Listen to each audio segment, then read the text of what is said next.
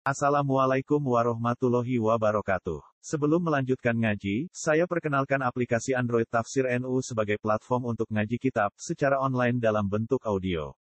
Tafsir NU berisi berbagai kajian kitab kuning dari berbagai ulama NU. Silahkan download aplikasi Tafsir NU di Google Play Store. Link download ada di deskripsi.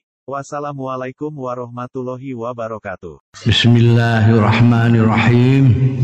Qala al-muallif rahimahullah wa nafa'ana bihi wa bi ulumihi bid dharain amin.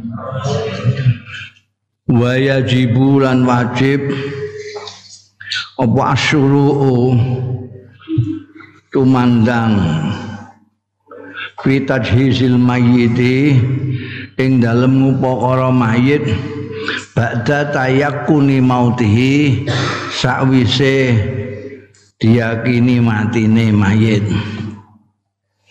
Fa in mata hujatan mongko lamun mati sapa mayit secara mendadak. Fayu teraku mongko di jarno ditinggal ya mayit kata yutayakanu mautu sehingga diyakini apa mautuhu kematiane mayit. Nanti malah diperiksa dokter barang. Apa betul-betul mati apa tidak. Akhraja ngata'ake sapa Abu Dawud Abu Dawud an Husain ibn Wahwah bin Wahwah radhiyallahu anhu anna Talhat bin Al-Barra bin Azib setune Talhah bin Al-Barra bin Azib radhiyallahu anhuma marido gerah sapa Talhah fata fa'atahu monggo.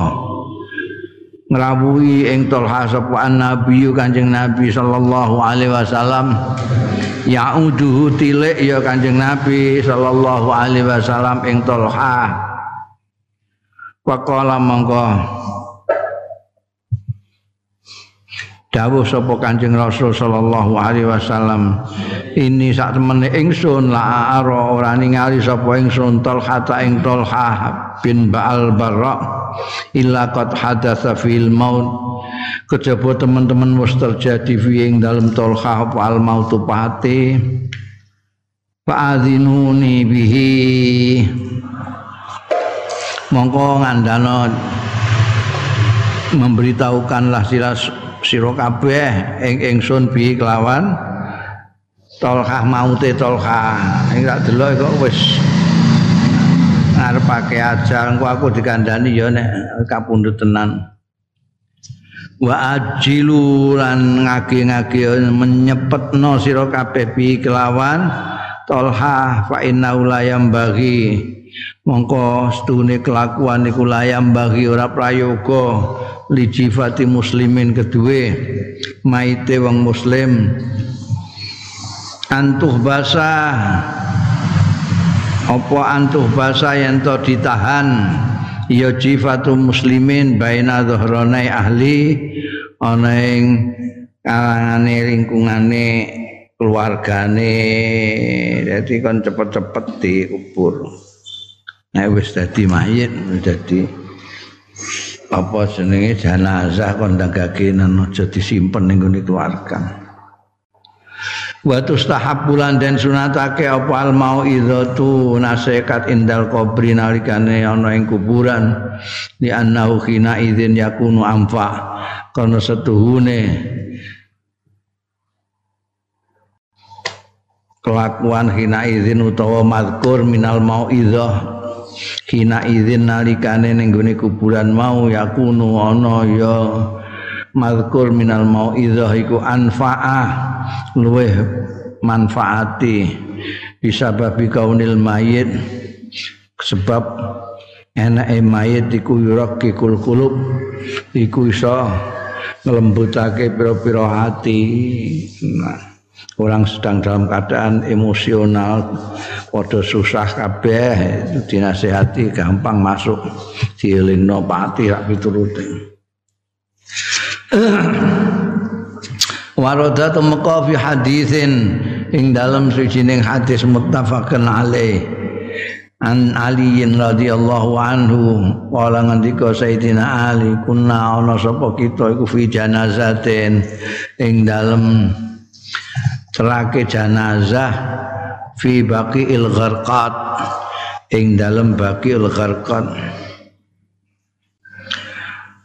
Iku kuburan umum ning Madinah yang terkenal itu di dekat Masjid Madinah itu namanya Baqiul Gharqat. Kowe engko haji atau umrah iku mesti ora saiki wis malah mepet ning halamane masjid. Biyen rada adoh saiki wis ning halamane masjid karena masjid diluaskan sampai luas sekali sampai kowe nek metu ke masjid basuhan Kanjeng Rasul sallallahu alaihi wasallam kamu akan melewati bagi al-gharqat. Iku kuburan masa ono Sayyidina Utsman dan banyak sekali apa namanya tokoh-tokoh sejarah yang di Sarekno ning kono. Asal usule jenengan Gorkot itu jenenge wit-witan wen. Nang kene sing biasa wit-witan Kamboja niku bagi ul Gorkot. Nalika itu Sayyidina Ali ndawuhke nek mbiyen kita sedang ada bersama jenazah di Baki il Gharqat. Fa'atana Rasulullah mongko nekani ing kita sapa Kanjeng Rasul sallallahu alaihi wasallam faqa'ada mongko pinarak sapa Kanjeng Nabi waqa'adna lan melok linggih kita kabeh kaulau ana ing kiwa tengene Kanjeng Nabi sallallahu alaihi wasallam ya linggih iku bisa jongkok, bisa silo, bisa ya maksudnya itu fakok ada. Orang ngadeg lah fakok ada. Wa ma'ahu miksarah. Taniku satane Kanjeng Rasul sallallahu alaihi wasallam iku tongkat tongkat yang melengkung pinggiring kaya tongkat-tongkat biasa saiki iku. Iku miksarah. Panakasa mongko uh, berbisik nglirihake suarane Kanjeng Nabi sallallahu alaihi wasallam. Jadi ngendikan tapi tidak ken, suara kencang kayak berbisik anak kasar. Wajah Allah yang kusu lan tumandang kanjeng Nabi ku yang kusu bimiksarihi nutuk-nutukno bi mikhsaratihi kelawan mikhsarae mau tongkate Kanjeng Nabi sallallahu alaihi wasallam itu ambek. Ambek jongkok apa pinarak ngono mbek ditutuk-tutuk nang Suma kala moko keri-keri dawuh Kanjeng Nabi ma minkum min ahadin illa qad kutiba maq'adahu minan nar. Ora ana saking sira kabeh seorang pun. Nek mamingkum ahadun tidak ada seorang tapi nek mamingkum min ahadin ana tambahane min itu ana tambahane pun tidak ada seorang pun dari sekalian semua illa qad kutiba. Kejaba teman-teman wis disirat disurat ditulis dicatat apa makaduhu? Eh anggonane akad fin minan nari saking neraka. Panggonan linggih asale makat itu. Saka kok ada ya kudu makat panggonan lungguh neraka wa maqaduhu lan panggonane akad minal jannati saing swarga jadi semua orang tidak ada seorang pun yang tidak semuanya itu sudah ada catatannya. Ini nanti lungguh ning neraka, iki lungguh ning swarga iku enek catatane. Pakalu mongko padha matur para sahabat ya Rasulullah duh Kanjeng Rasul afala natakilu ala kitabina? Nek ngoten mongko ana to ora nyerahno mawon masrahke kita ala kitabina ing atase catatan kita. Kok ngamal-ngamal barang lah napa? Pun pun pun nonton catatannya dan pun serahna catatan ampun rasa lapo-lapo jadi makadu filjan minal jannah gitu swarga ngajar ngamal kaya apa ae nek pun catetane tengene nggih tenar. Lah mbok pun pasah ra empun kalih catetane niku. Iki pemature para sahabat. Pakola maka dawuh sapa Kanjeng Nabi, ikmalu. Aja ngono, ikmalu. Yo ngamal sira kabeh. Amal Pakulun mongkol tai masing-masing iku muyasarun digampangake lima marang barang khulika kang ditetahno sapa kulun lahu kanggo ma. Nek kowe pancen arep ning ngene swarga kowe digampangno ngamal-ngamal sing menuju ke surga tapi nek kowe pancene catetane iku gak ning swarga yang dilalae dijak ape ya semua dijak macem-macem jak rukun malah tukaran jak jak ngibadah malah melincur segala macem Nek kowe pancen ning gone swarga ya engko muyasarun limahun. Digampangno melakukan. Jadi kowe ngamal. Lagi pula kamu nggak tahu tulisannya nek ngerti catetane ngono ya pasrah nggak apa-apa. Wah aku terang catatan gue ketok iku aku senin swarga. Ya wis rasa lapor-lapor. Eh pasar wis ora dhewe. Lah iki ora roh ya. Oh iku ngamal. Eh malu. engko rak digampangno nek pancen kowe eh catetane ning ning ngene swarga digampangno menuju ke surga itu. Wa minas sunnati lan iku termasuk sunnah utawi ayuk sinan nas asana alal main yen to bagusake sapa wong-wong asana ing pangalembono alal mayit ing atase mayit. Itu juga sunnah itu.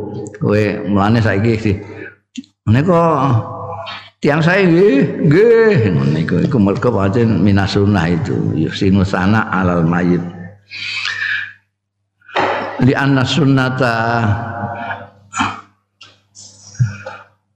li anna alsinatal khalqi. Ngono ah ana sunnata wi tulisane padha ya. Sunnata wa al alsinah padha tulisane. Sing ngerti sapa? Tulisannya kan padha. Alsinata mbek sunnah kan padha tulisannya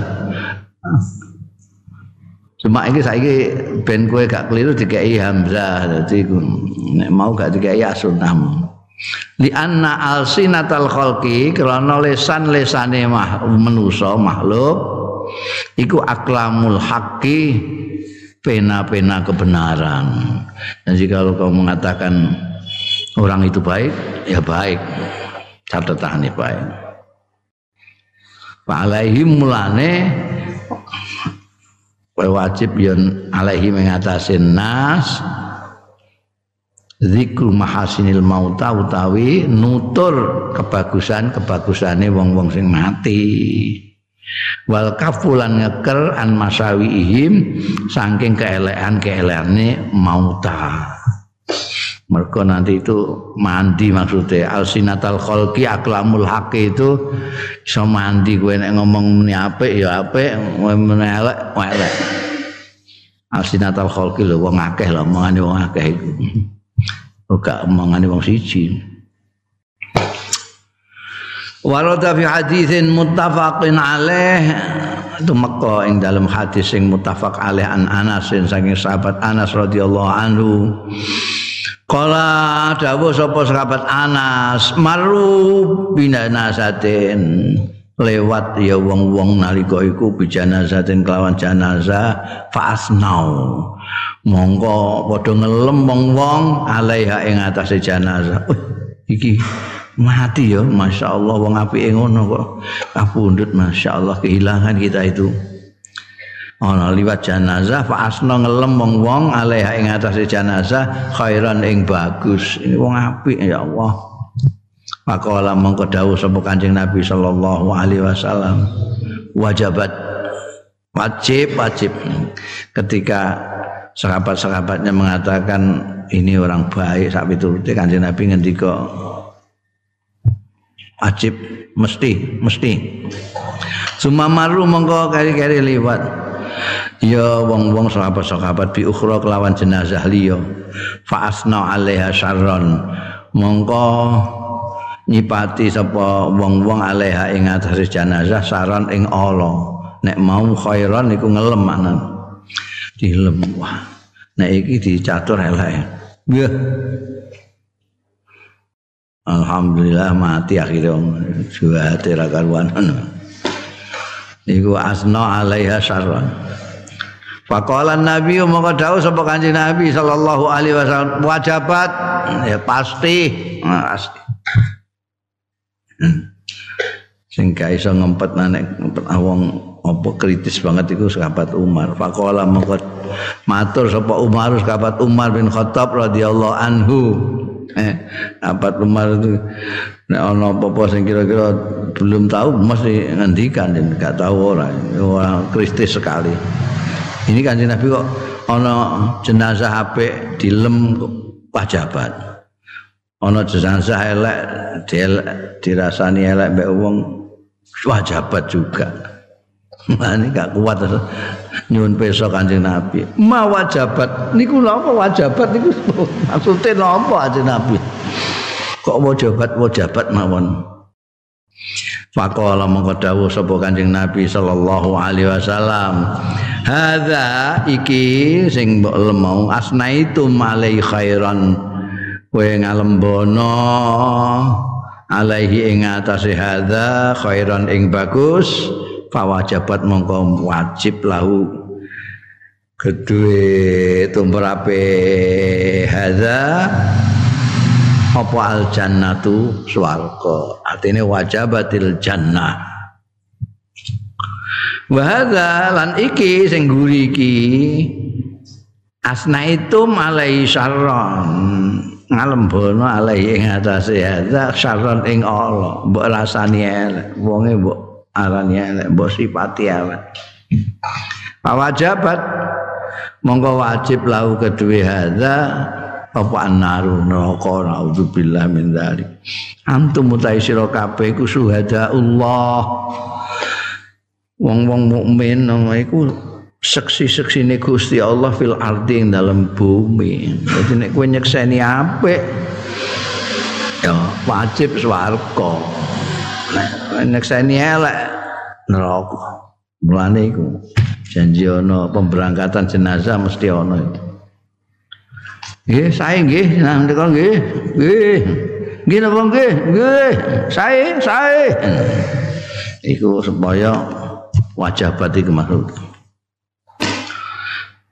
Ai innan nas sing muni ngono biasane kiai ne.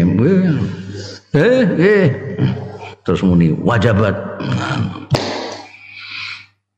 Innan nasa syuhudun indallah.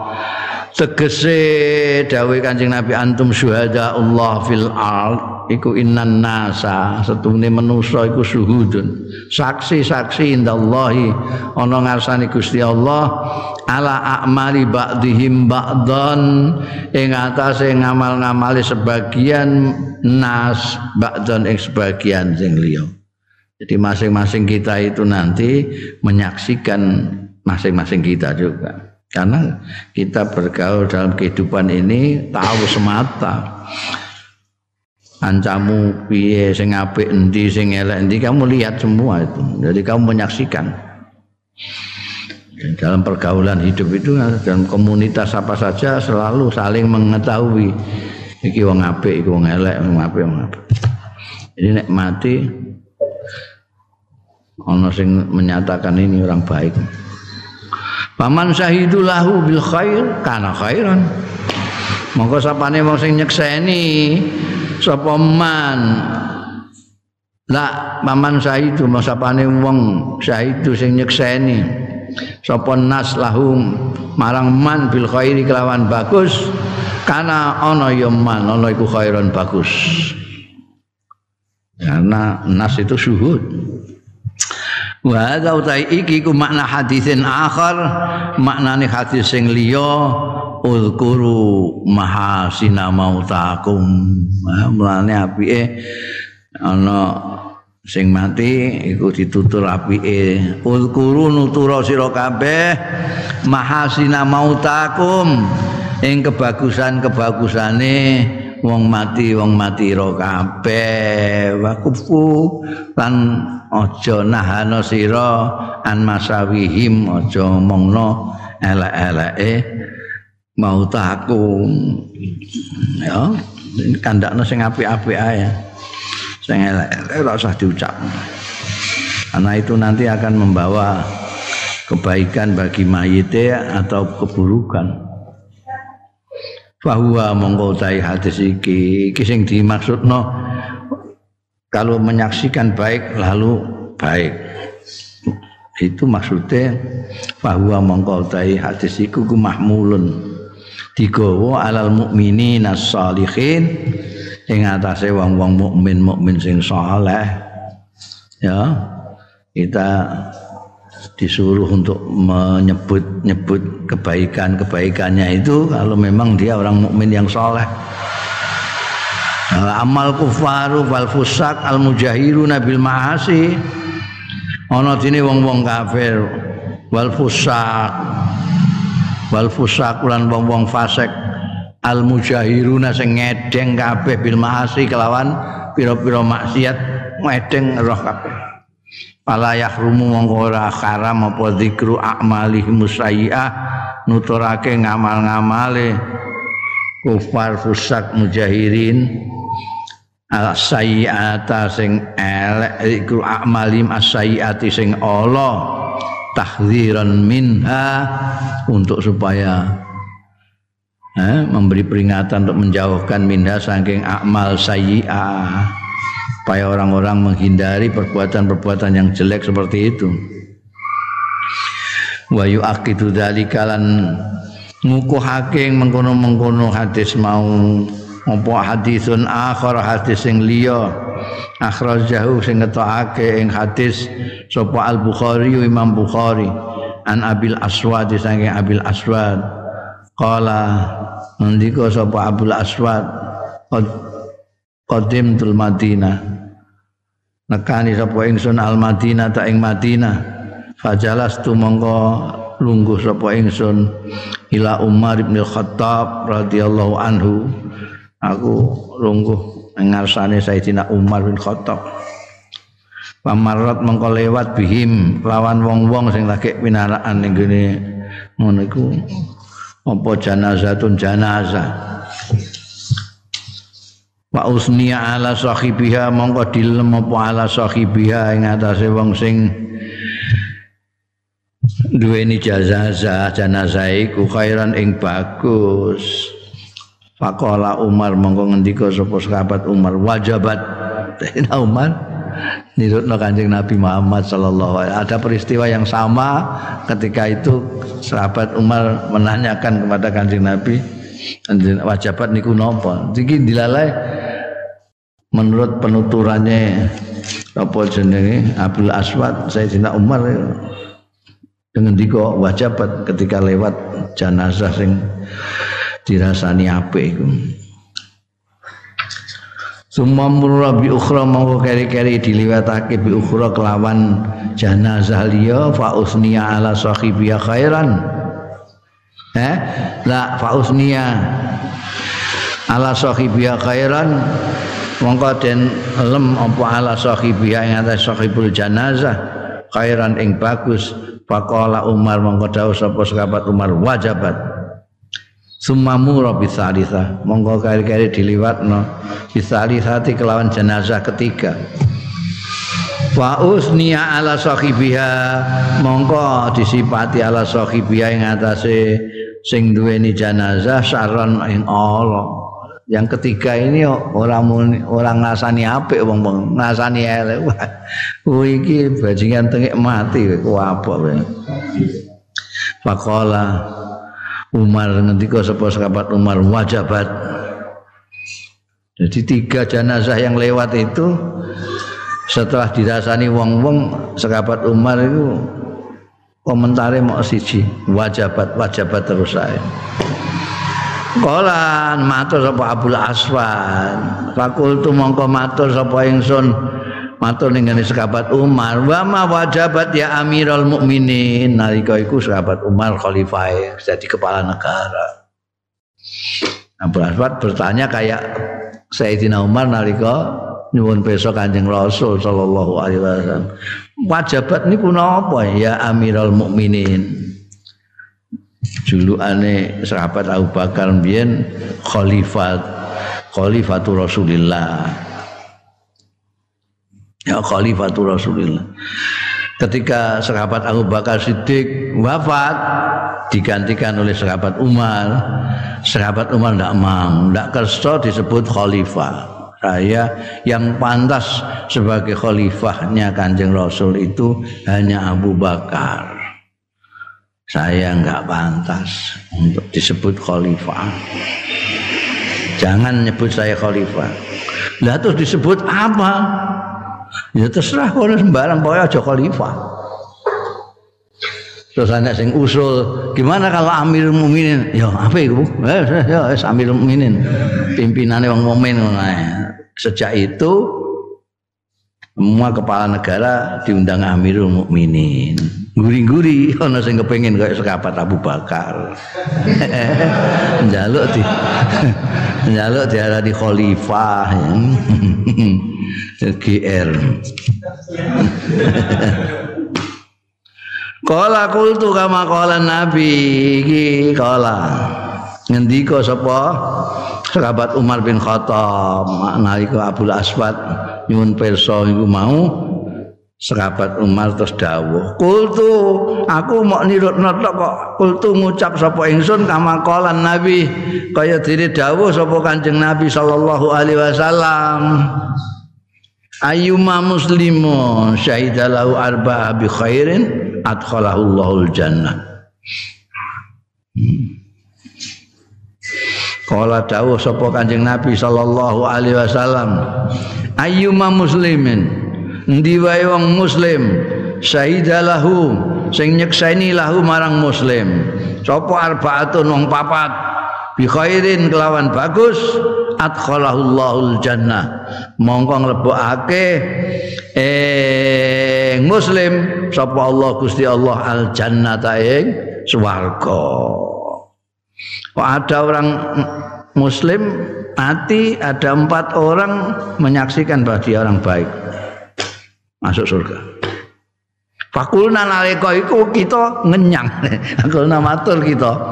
Wa salasa nek tiga sebutin. Nek sing nisani mau tiga tok mboten sekawan. Kala dawuh sapa Kanjeng Nabi Muhammad sallallahu alaihi wasallam, salasa. Iya, sing nisani telu ya mlebu swarga. Ngono iku. Eh, mulai papat swarga dinyang nek tiga. Iya. Fakul lah gak, gak pede sing takok iki. Ngaku sing kira-kira wong papat apa ana sing nyekseni aku apik papat ya. Nek tiga mau ndi tiga. Ya tiga. Isih ana sing ngenyang nek fakulna moko matur kita. Mbak Isnani, nek kalih, nek kalih. Sing nyekseni apik namung kalih. Kala wasnani. Ya loro. Ya Allah, murai ngono ya. Saiki wong do nglarang-larangno swarga. Murai. Wasnani loro. Ya.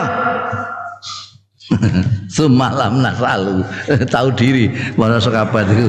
Semalam nasalu mongko keri-keri ora takon mana, ora nyuwun pirsa meneh kita bu Kanjeng Rasul sallallahu alaihi wasallam anil wahidi saking wakil. Kok enak sing muni setunggal. ya ya siji ngono. Jadi minimal loro berarti minimal sing nyekseni ape iku wong loro. Kowe ngarep-ngarep muni siji ngono ya. Jadi, siji tok ngono ae kancamu dhewe. Bundel al ihsan ilal khadim. Gawe bagus marang pembantu khadim sing nglayani kuwe. Laisan nasu kulluhum fi martabatin wahidah. Ora ana manusa iku ora ana sapa manusa kulluhum sekabehane manusa ora ana iku fi martabatin wahidatin ing dalem martabat sing siji. Satu kelas enggak ada. Dalam hal apa? Minal rezeki sang rezekine wal manzalati lan tingkatane wal makanati lan kedudukane dhewe-dhewe ana sing lurah ana sing cari ana kamil tuwa ana rakyat jelata Di anal hayata tata talabu hadza. Karena sedunia kehidupan ini memang tata talab menuntut ya hayat hadza tafawuta ing iki unda usuk ini keterpautan. Harus ada yang lebih tinggi, ada yang lebih rendah, ada yang sama. supaya apa liyasta'ina ba'duhum ba'don liyasta'ina supaya iso nulungi sapa ba'dum sebagian manusia bibakdin kelawan sebagian yang lain. Nek padha dhuwure kowe ndak tulung sapa? Gak ada sing gelem. Eh padha bos aja ngebos kabeh itu sapa sing mbok ngomong Kudu enak sing ora bos.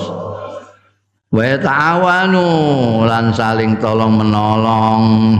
Ya nas ma'abdim sartane sebagian nas wa tatahaqqaqu hajatul hayat lan dadi terpenuhi dadi nyoto apa hajatul hayati kebutuhan-kebutuhan kehidupan. Itu memang dituntut. Para tata asar ongko ora tata asar ora kesandung-sandung. Ya kehidupan wa ta'arqil bala tata asar wa ta'arqal lan terhambat ya hayat fa ingkana nas kuluhu umarok masalah Mongko lamun ana napa nas kuluhum sekabehane nas iku umara pemimpin-pemimpin kabeh masalah umpamane, eh? Tak Indonesia pemimpin kabeh. Sing dipimpin sapa?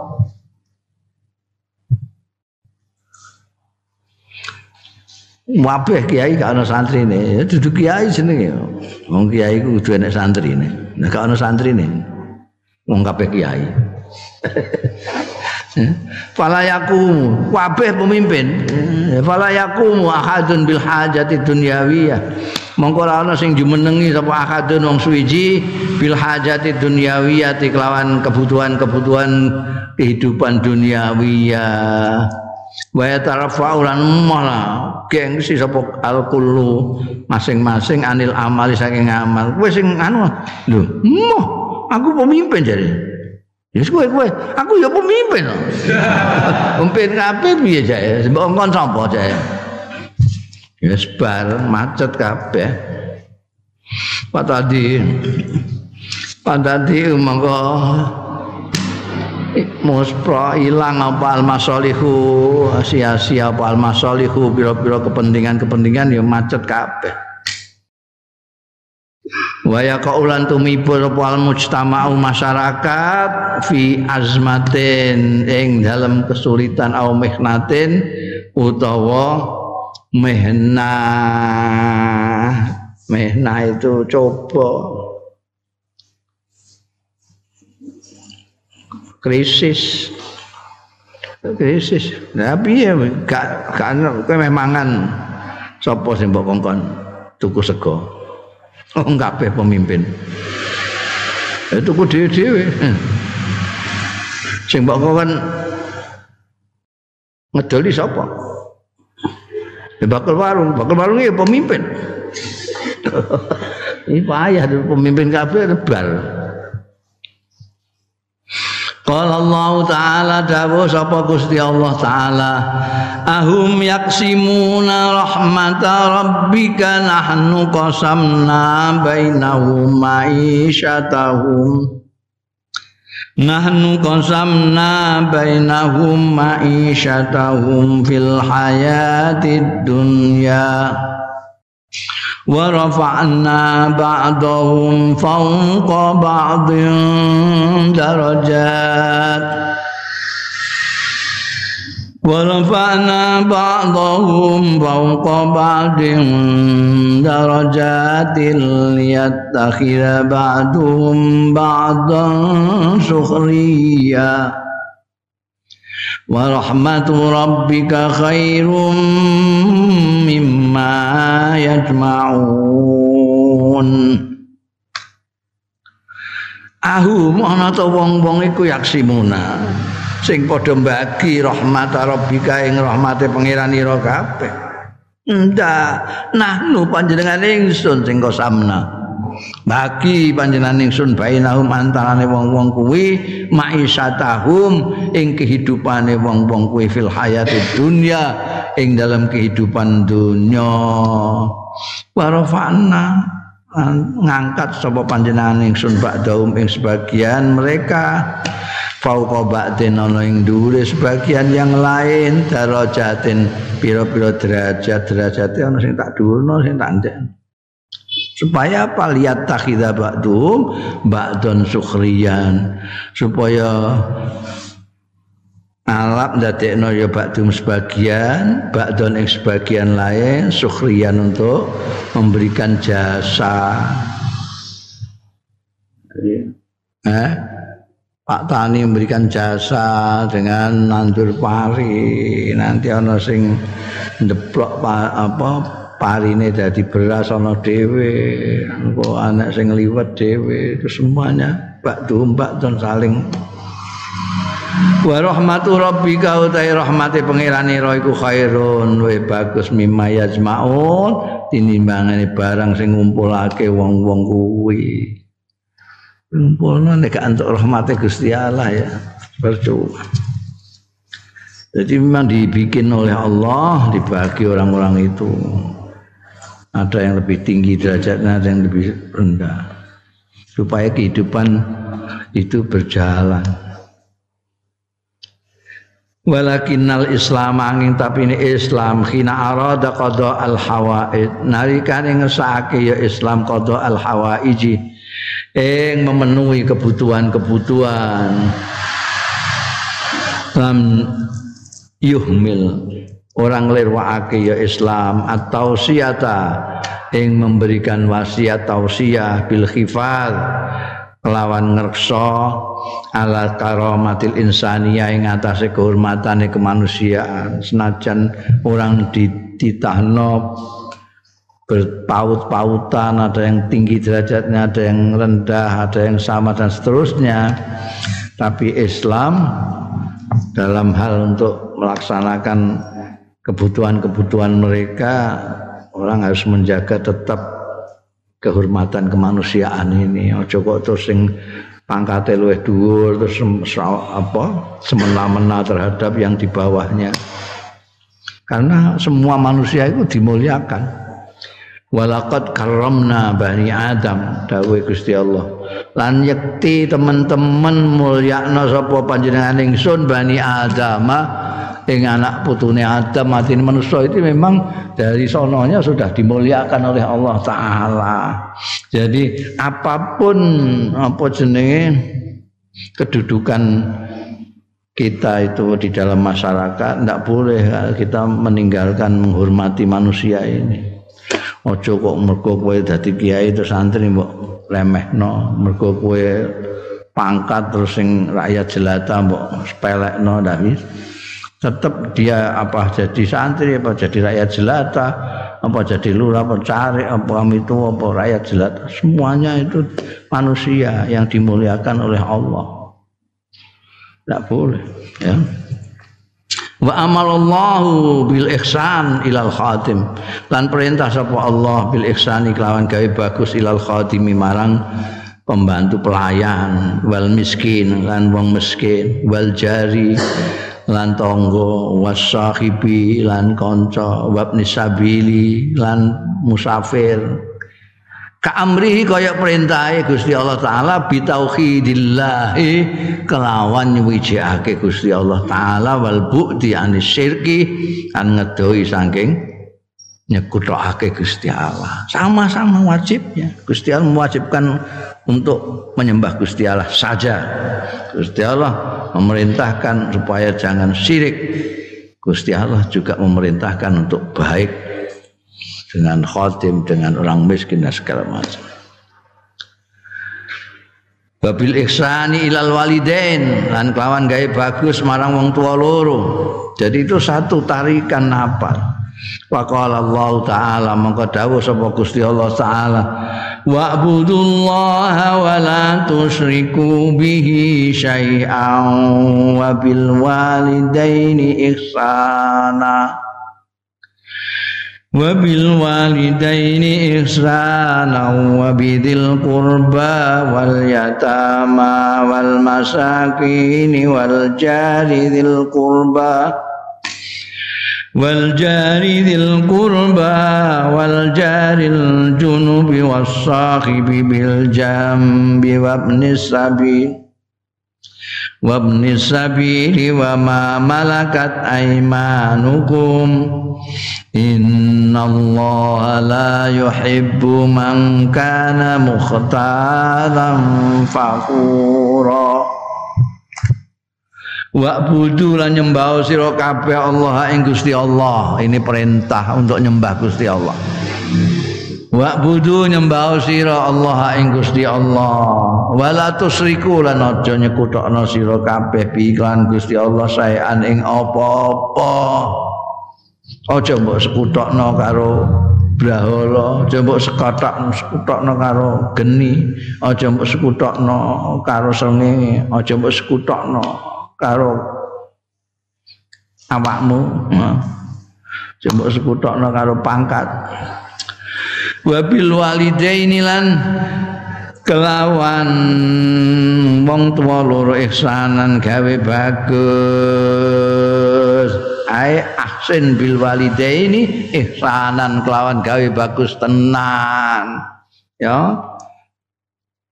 Enggak ora angger apik apik-apikan ngono kudu sing apik tenanan karo wong tuwa loro wa bidzil qurba lan kelawan kang anduweni kerabat sing apik wal yatama karo bocah-bocah yatim sing apik wal masakin lan wong-wong sing miskin-miskin wal jari dzil qurba lan tangga parek jari dzil qurba sing duweni parek wal jaril junubi. Lan tangga sing adoh wasahibi bil jambi lan kanca sing adoh wabni sabili. Lengkap iki wasbab nisabili lan anak dalan maksudnya musafir. Wa ma malakat aimanukum lan barang kang miliki apa aimanukum tangan-tangan ira kabeh dulu mamalakat aiman hukumnya budak-budak itu. Eh? Inna Allah la yuhibbu man kana mukhtalam fakhura. Satune Gusti Allah iku ora demen sama Gusti Allah maning wong kana kang ana ya man. Ana iku mukhtalan kemlete fakhuran dor bangga diri. Mukhtalan gemblelengan. Jadi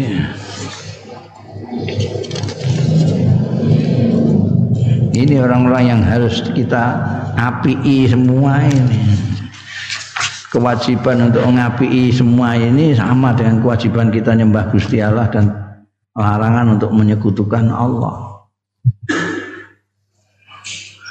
Wal yatama utai yatama bocah-bocah yatim hum ya yatama iku asighar bocah-bocah cilik qoblal bulu. Nek wis wis balik ya ora jenenge yatim neh. mantan yatim. Eh, aku itu mantan yatim piatu, mantan.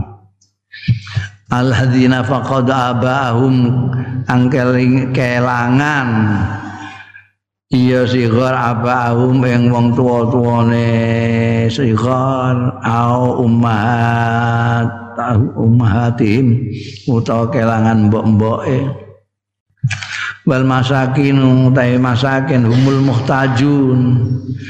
Tegese wong-wong sing butuh masakin ail fuqara. Fuqara iku jamae fakir manane butuh. Nek kowe gak butuh ya ora fakir wal jaril junub ay al jarul mulasik ghairul qarib. Jarul junub ning kene sing tak manani tangga adoh mau al jarul mulasik tangga sing berdempetan tapi ghairul qarib tapi sing ora parek. Awil bai di daron sing rada adoh apane daron omahe wasahibu bil jambi maksudnya arrafiqul mulazim kanca sing netepi fi safarin ing dalam lelungan awil hadori utawa ning gone dalem. Ning omah ataupun safar. Hador iki kosok langsung safar. Mbah apa nek manani apa? Tidak di tidak bepergian.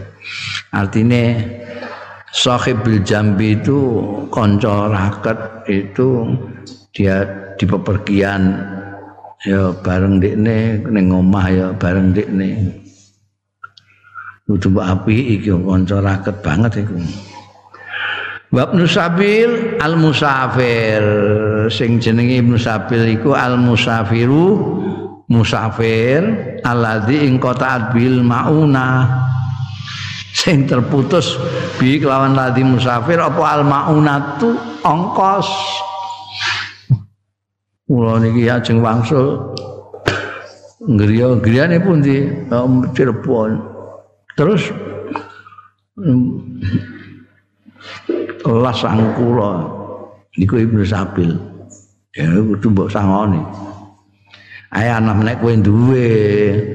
Ae anak apa nek kowe gak duwe ya kula ki mbak miskin. Ae anak apa tegense maunah terputus. Kulo jane nggih sangone kathah tapi terus dicopet. Biasane ngono iku musabil an mutabaati safarihi sangke melanjutkan perjalanane ladhi musafir wal wusulilan tumeka ila baladi marang negrine ladhi musafir. Iku mau meh mulih gak duwe sang Zumba api iku Wa ma malakat aimanukum yang dimaksud adalah abid wal ima. Budak-budak lanang wal ima ulan budak-budak wadon. Sekarang sudah tidak ada. Karena apa namanya aturan-aturan dalam Islam sedemikian rupa anjuran-anjuran Islam sedemikian rupa yang menyangkut soal perbudakan sehingga ketika di dunia masih ada perbudakan di Islam sudah tidak ada. Koko yang Islam itu ada denda-denda yang bersifat memerdekakan budak. Karena banyak itu. Dan ada anjuran bank-bank ngebang-ngebang orang yang mem memerdekakan budak itu pahalanya besar. Akhirnya banyak budak-budak itu sudah merdeka kabeh. Sekarang tidak ada.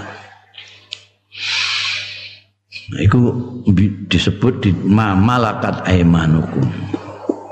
Haitsu kana raqiq maujudan fil mati. Sekiranya ono apa ar-raqiq budak ono iku maujudan wujud fil mati dalam zaman biyen. Biyen ada, sekarang sudah tidak ada. Wa min awamiril ihsan. Nanti mungkin kalau ada perang lagi, nanti ada budak lagi. Karena modelnya kalau perang dulu itu sering kalah tawanan ini dijadikan budak.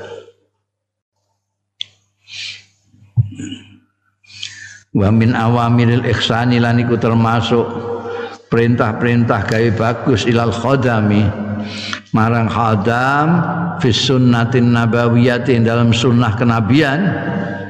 Al hadis utai hadis al muttafaq alaih sing muttafaq alaih anil ma'rur ibn suwaid. Qala ma'rur bin suwaid ini tabi'in mulane dia nyeritakno sahabat tabi'in itu santrine sahabat Kala ngendika sapa Ma'rur bin Suwaid, raaitu Abadzarin, Abadzarin sing sahabat. Raaitu ningali sapa ingsun Abadzarin ing Abu Dzarrin radhiyallahu anhu. Wa alaihi lan iku ing atase Abu Dzarrin khullatun utawi pakaian sing lengkap. Khullah itu pakaian sing ana apa jenenge jeruk-jeruan iku apa jenenge? Hah? Jenenge apa? sing biasane nganggo kain satin jero niku. Eh? Jeroane iku apa? Iku khulah. Biasane jas sing ngono kuwi. Wa ala gulami lan iku ing atase pembantune ulame Abu Dzarin misluha utai sepadane khullah jadi pakaiannya podo ambek pembantune iku. Podo-podo apa? Jas-jasan ya jas-jasan kabeh ulame. Aku rada gawok fasal tuh mongko nyuwun pirsa sapa ingsun ing Abu Dzarin andalika sing mengkono-kono mau kok jenengan kok kembaran kali pembantu jenengan? Berarti zaman tabiin sudah standar anu sudah merosot itu. Apa jenenge? Eh, akhlak yang diajarkan kanjeng Nabi. Kan kita mempertanyakan kan gawo itu. Nek sama tentu enggak enggak akan takon. Fasal tuh andalik Fadzakara mongko nutur barang aku takon fadzakara mongko nutur sapa Abu Dzarin annahu setuhune Abu Dzarin iku sabar rajulan. Ini tahu misoi. Misoi sapa Abu Dzarin rajulan ing seseorang. Menurut riwayat sing di sing dipisah itu Bilal bin Rabah. Bilal bin Rabah sahabat kulit hitam, dulu budak sing disiksa karo Umayyah bin Khalaf terus dimerdekakan karo sahabat Abu Bakar Siddiq. Terkenal itu ceritane penyiksaan Bilal oleh Umayyah bin Khalaf. Wahum hmm, ala ahdi Rasulillah ana ing zamane Kanjeng Rasul sallallahu alaihi wasallam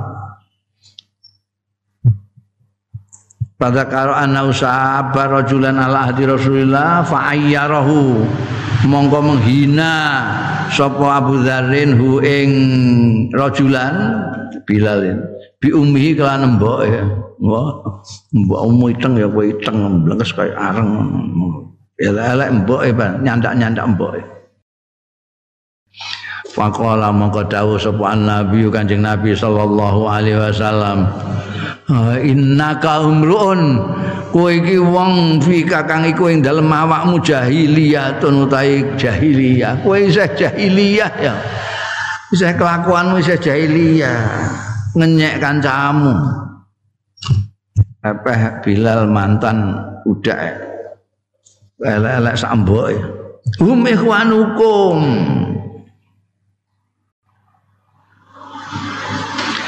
iku dulur-dulurmu mana dulur-dulurmu kanca-kanca wa khaulukum lan kon sahabat-sahabat ira. Khaulukum itu artinya apa jenenge? Sesama manusia itu kan bersaudara. Khaulat jadi jadi ono istilah ukhuwah basyariah itu khaul itu ikhwanukum wa khaulukum ja'alahumullah tahta aidikum dadekake hum. Ing mereka semua ikhwanukum Allah sapa Allah Gusti Allah tak ta aidikum ana tangan ira kabeh. Amang kana akhuhu tahta hayatihi. Mongko sapaning wong kana kang ana rapa akhuhu dulure man ana iku tahta yadi ana ing di bawah tangannya man. Falyut emhu mimma yakul. Mongko supaya memberi makan ya man. Hu ing akhuhu mimma yakul. Saking barang kang mangan ya man. Balyus bisu. Lan supaya ngenggoni sapa man hu ing akhuhu. Mimma yalbasu saking barang sing nganggo ya man wala tukallifuhum. Lan aja merdi-merdi aja membebani. Sira kabeh hum ing wong-wong ikhwanukum wa khaulukum mau. Aja membebani maing barang yakhlibum. Sing ngalahake atine tidak tidak bisa diatasi sesuatu sing menekan ya mahum ing ikhwanukum. Fa in kallaftumuhum mongko lamun merti-merti sira kabeh ing ikhwan fa'inuhum mongko bantu sira kabeh ing ikhwan. Oh, iku aturan Kanjeng Nabi Muhammad sallallahu alaihi wasallam. Jadi durung enak istilah egaliter egaliter itu Kanjeng Nabi 15 abad yang lalu sudah mencanangkan itu, sudah mengajarkan itu pada sahabat-sahabatnya. Ketika Abu Dzarin itu misoi dan menghina Bilal bin Rabah dengan jelek-jelekan boe barang dimarahi Kanjeng Nabi kamu ini masih jahiliyah ya itu kan saudara kamu saudara kamu kalau memang saudaramu itu ada yang di bawah kamu dari pembantumu eh? jadi pelayanmu jadi stafmu jadi itu tetap saudaramu jadi kalau kamu makan ya diajak makan Mungkin mangan eh mangan ning restoran supire kon ning mobil. Eh? Supire kon ning mobil. Eh? Iki kayak duit sewu oh, nek arep tuku pecel no ini mangan restoran wah itu gak islami belas ini. Dijak mangan bareng. Ada berpakaian juga dikai pakaian Ojo mbok beban yang berat yang dia tidak bisa memikulnya, yang mengalahkan kekuatannya. Nek tetep kowe ngongkon yo ewangi, eh, bukan munggah gendeng ya cekeli andone, aja njalno dhewe. Kowe melok bantu. Wah, bagus sekali ajaran Kanjeng Rasul sallallahu alaihi wasallam. Ya, ya. Ailatul zimuhum syai'an sakon tegese la tukallifuhum ma yaghlibuhum iku la tulzimuhum ngojo ngetepake aja majibno sira kabeh ing ikhwanukum mau saean ing apa-apa sakon sing berat sesuatu yang berat. Jangan kamu bebani sesuatu yang berat.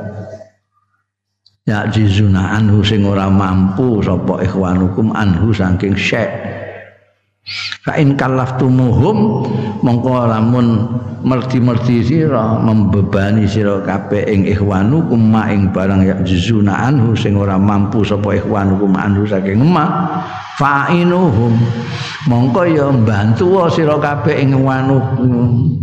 Ala fi'li ngatasé melaksanakan ma au khamli utawa nggawa ma au nakli utawa mindah ma aja mbok serahno ndekne kabeh. Sing macul-macul ndekne sing mindai lemah ndekne sing lha kowe terus mau malang kelik tok kaya mandor. Hmm. Dalla hadzal hadis. Nuduhake apa iki hadis? Ala nadbil ihsan ilal khadam. Nuduhake kesunatane gawe bagus. Ilal khadami marang pembantu wal khadimati lan pembantu-pembantu wadon. Fayu amiluhum mongko muamalai mempergauli ya wong ing khadam lan khadimat muamalat nafsihi. Kaya dene mempergaulane dirinya sendiri wa iyalihi lan anak-anak e keluargane ndekne fil libas ing dalem pakaian wa yajibulan wajib alaihi ing atase wong. Apa takdimu hajatihim dhisikake keperluan keperluane khadam wal khadimat ina ta'ami saking makanan basara bilan omben-omben wa bilan pakaian al muqtadah sing biasa fil baladi dalem sing kaprah lah normale piye fil baladi dalam negrine. Wa yasfiku alaihim lan kudu melas asih duwe ya wong alaihi ing atase khodam lan khodimat fil muamalati dalam muamalah dalam pergaulan hidup yang baik. Wala yukallifuhum ma yuqiuhum fil kharat lan aja merti-merti aja membebani perintah-perintah ing khodam lan khodimat aja merti-merti maing barang. Yuk yuki utawa yuwaki uhum sing nibakake ya ma ing khodam utawa khodimat fil haraj ing dalam kesulitan awil masakati utawa utawa ya kerupekan Wail muqtadat sing ora biasa. Fa ing kalama fa ing kalafahum mongko lamun merdi-merdi lamun membebani. Sapa wong ing khadam utawa khadimat bidzalika kelawan mengkono-mengkono. Mayuhum fil harat au fil masyaqqah sa'adahum. Mongko bantu sapa wong ing khadam lan khadimah nek berat ya wangi. Jembok mbar dhewean akeh piye wa hadzal hadis lan memperingatkan apa al hadis hadis minat tahalluk. Saking berpekerti awit tatabbu utawa berkarakter bi akhlakil jahiliyati kelawan pekerti-pekerti jahiliyah. Jahiliyah enggak. Wong itu sudah di perangi ya, dibebaskan dari kejahilian. Di antara perilaku jahiliyah itu yaitu apa nak e, menganggap lebih tinggi dari orang lain. Apa senenge majikan boleh sakar PDW ngongkon anu mbantune terus membedakan ini kulitnya ini putih ini coklat ini hitam. Itu jahiliyah kabeh pokoknya. Itu sudah dihapuskan oleh Islam. Mulanya ketika Abu Dharin misui Bilal diingatkan kanjeng Nabi kamu ini masih punya perilaku jahiliyah. Fika jahiliyah itu artinya masih punya perilaku jahiliyah. Tidak boleh kita tatabuk bi akhlakil jahiliyah kalau asobiyate kaya dene asobiyah itu jahiliyah. Asobiyah itu fanatik kesukuan. Fanatik Nah, saiki ana wong fanatik kelompok fanatik golongan iku fihim jahiliyah.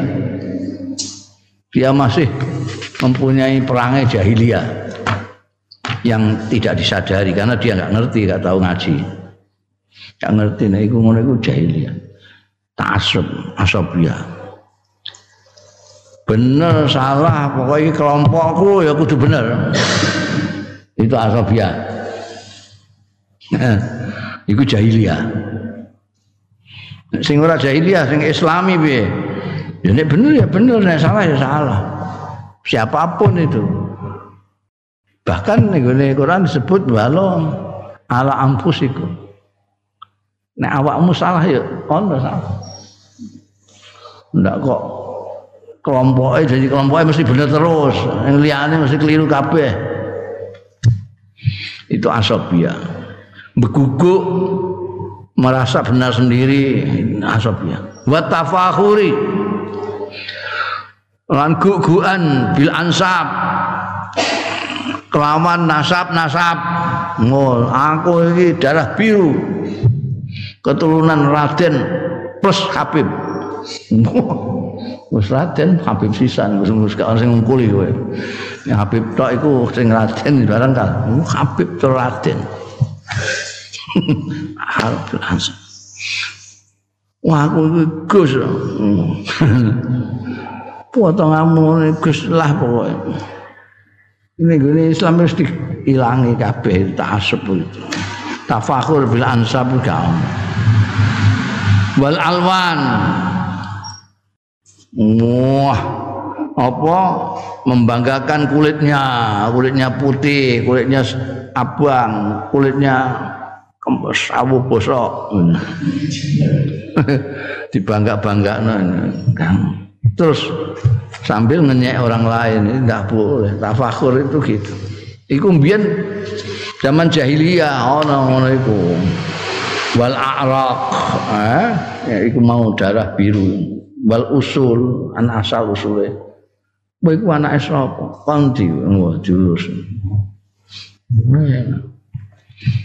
Wah, jelas asal usulmu iku tafakur bil ansab wal usul wa aujabal islam al majibna wal islam mura'atal musawah bainan nas. Islam mewajibkan untuk menjaga persamaan bainan nasi antara menungso.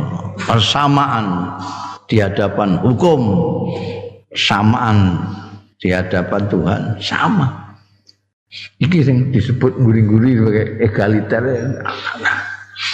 Nggak ada orang penting lalu kebal hukum. Eh? Rakyat jelata nyolong lebok nebuyen. Wong pangkat nyolong dinjarno itu enggak enggak Islam. Harus musawah. Sama. Ya, kayak yang tergambarkan dalam kita itu berjamaah setiap kali sembahyang setiap minggu bersama. Sembahyang itu kan tidak ada.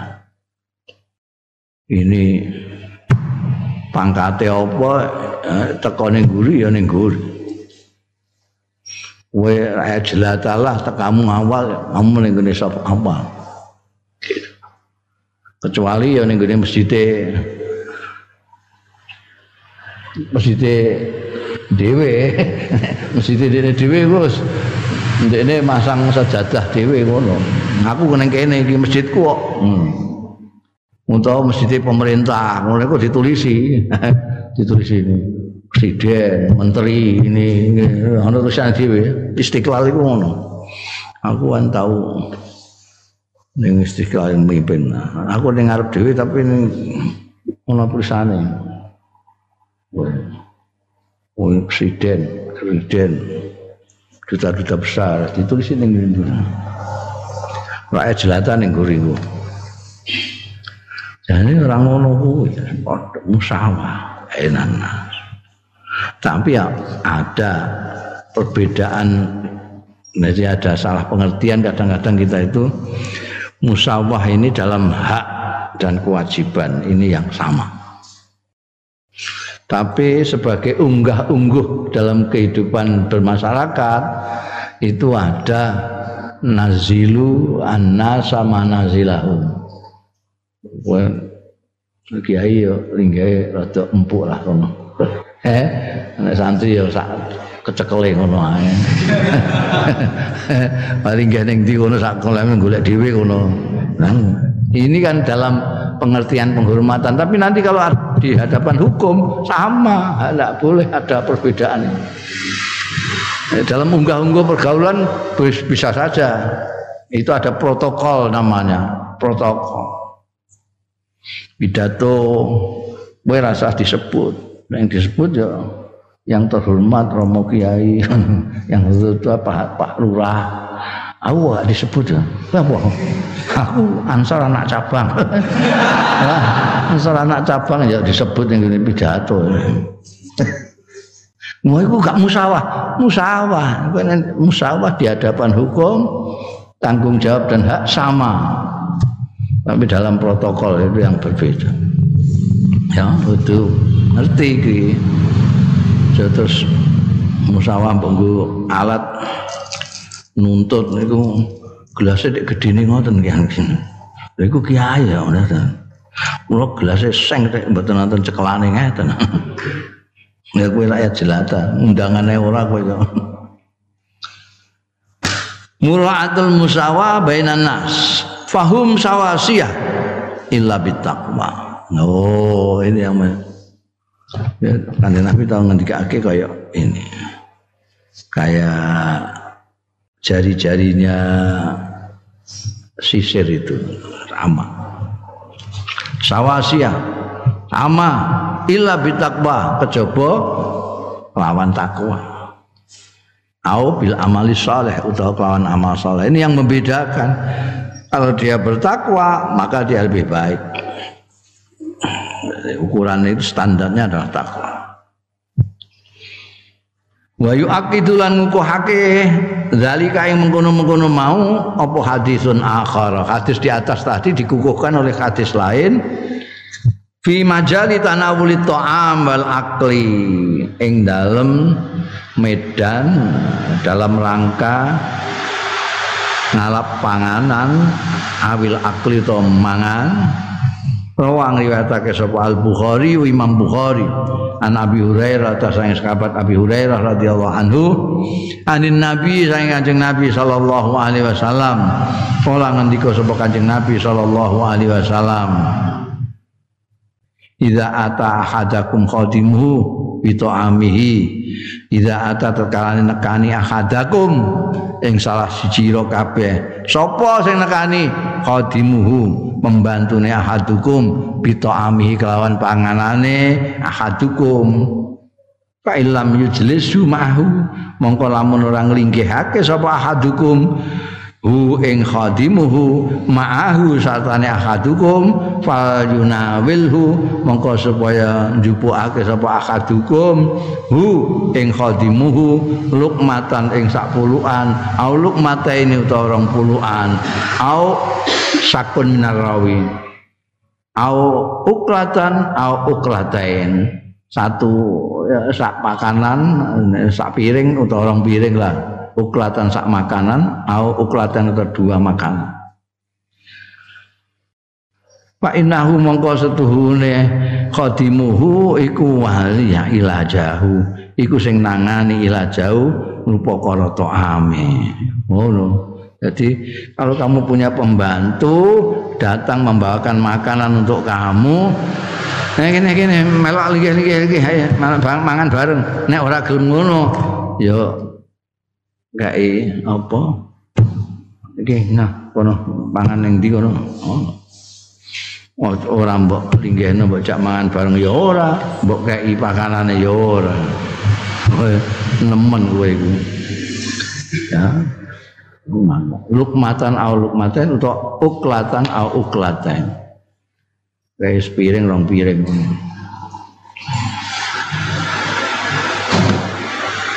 wali ya ilajahu artinya amalahu. Memang amalahu itu yang gawe makanan itu kan dia yang bikin kodamu itu. Sing masak di ini kan? Di ini kue mangan diwian merambut jak mangan merambut gai nemen kue ku jahiliyah. Wal uklah ya lukmah.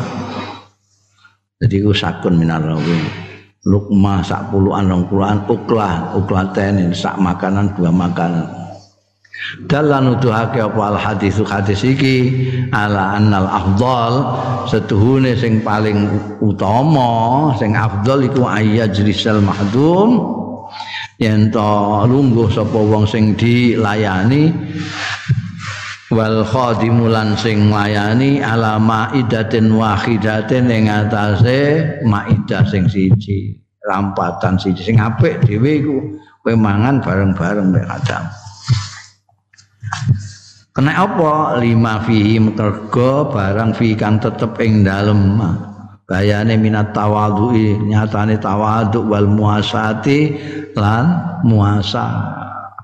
Jadi persamaan hak dan apik nek kowe terus cak linggih bareng mangan bareng. Ae mangan bareng. Ayo. Biasane khodame sing gak gelem. Wa istahabbu hmm?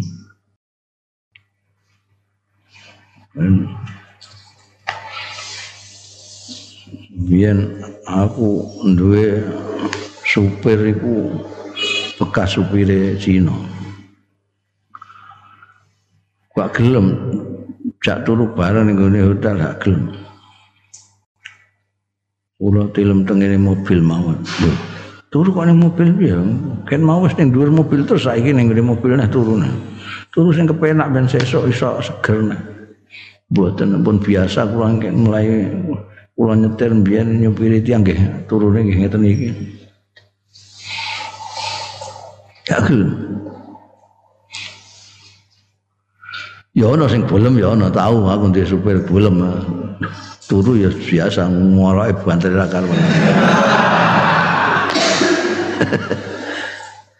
Ora sing gak gelem malah lara kabeh iku ya. Eh, turun bareng lah aku ku jadi rada kadang-kadang rada boros. Nah, aku lunga dhewe iku mau sak kamar adine tak jak ning kamar bareng aku gak gelem. Jadi ini sungkan. Nah, aku aku nukuk ana kamar nah. Hah? Ya. Kamar loro. Jadi siji cukup. Ya mergo ini sungkan. Dene dhewe. Bomlah ini udut aku ora. Dene golek sing smoking aku digolek sing no smoking.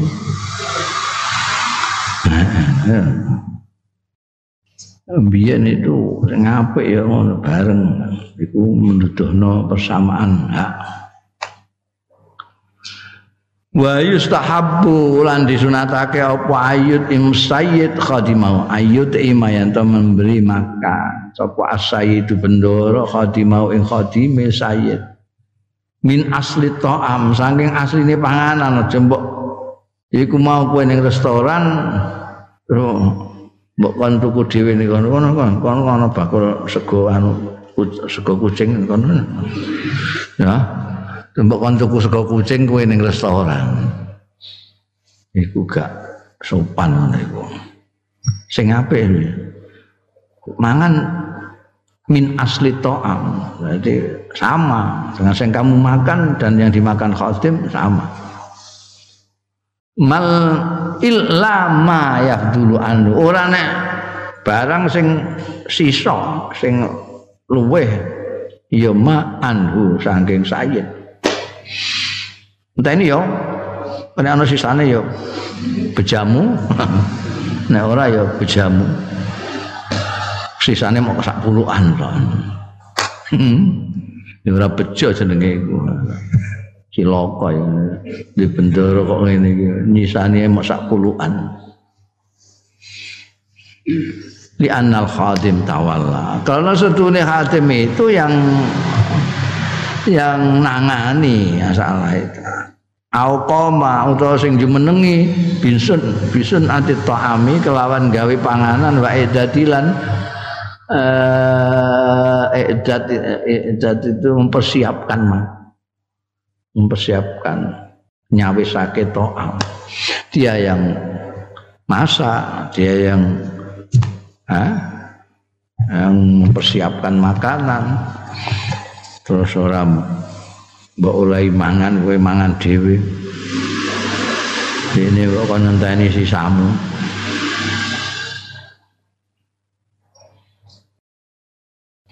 wa alal khatim lan iku wajib. Ing atase khatim pembantu ayuh sina ibadat rabbi yen to bagusake ing ngawula pangerane khatim ini tetap kudu ibadah ning ngene pangerane sing apik. Wan nusalan berbuat baik li sayyidi marang bendarane khatim wal ikhlasi lahu lan ikhlas lahu kanggo sayyidi fil amali dalam ngamale sing ikhlas wal amanati lan amanah fi kulli syai'in.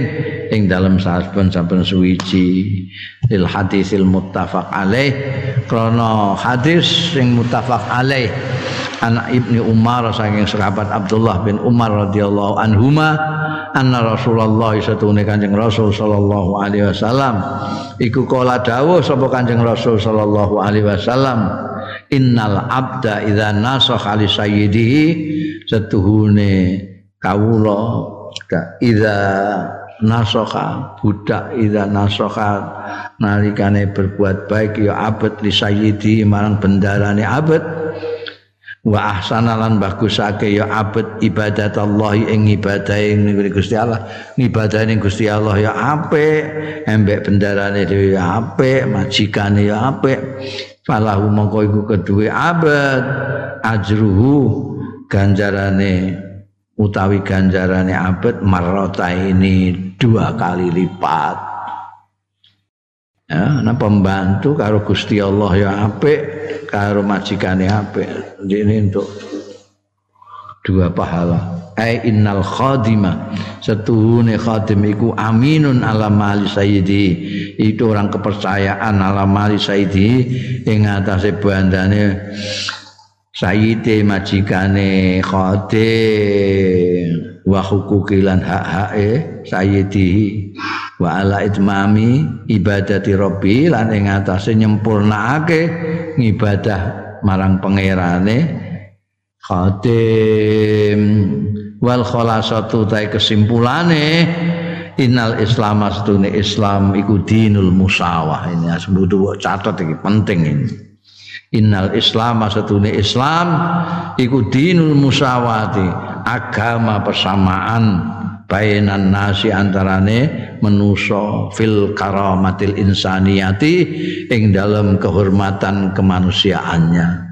Sama-sama apa pun tingkatannya apa pun kedudukannya dia sama rata di dalam kehormatannya sebagai manusia. Tidak boleh dilecehkan. Mentang-mentang dia khotim terus mbak anggap tidak begitu manusia. Tidak boleh. Itu harus semuanya dimanusiakan seperti dirinya. Fala yasihu mongko ora kena apa takyiru insanin. Apa menghina manusia. Bidunu atihi kelawan rendahnya penggaweane insan au khirfatihi utawa pekerjaane insan. Wa nahwi dzalik lan sepadane. Pokoknya dia itu apa dadi apa ae aja gak kena. Mbok hina itu gara-gara dia hanya petak mbok hanya no ya, hanya petani ya. hanya tukangan. Hanya pelayan aja. Hanya sopir tidak boleh. Itu tidak hanya semuanya melakukan fungsi-fungsi dalam kehidupan sendiri-sendiri yang dengan fungsi-fungsi masing-masing semuanya itu kehidupan bisa berjalan dengan baik. Jadi kita tidak boleh menghina satu dengan yang lain hanya karena pekerjaannya lebih rendah dari kita atau eh, martabatnya atau apa sajalah tidak boleh. Itu yang dimaksudkan al-Islam dinul musawah as-samahatu fil islami wallahu a'lam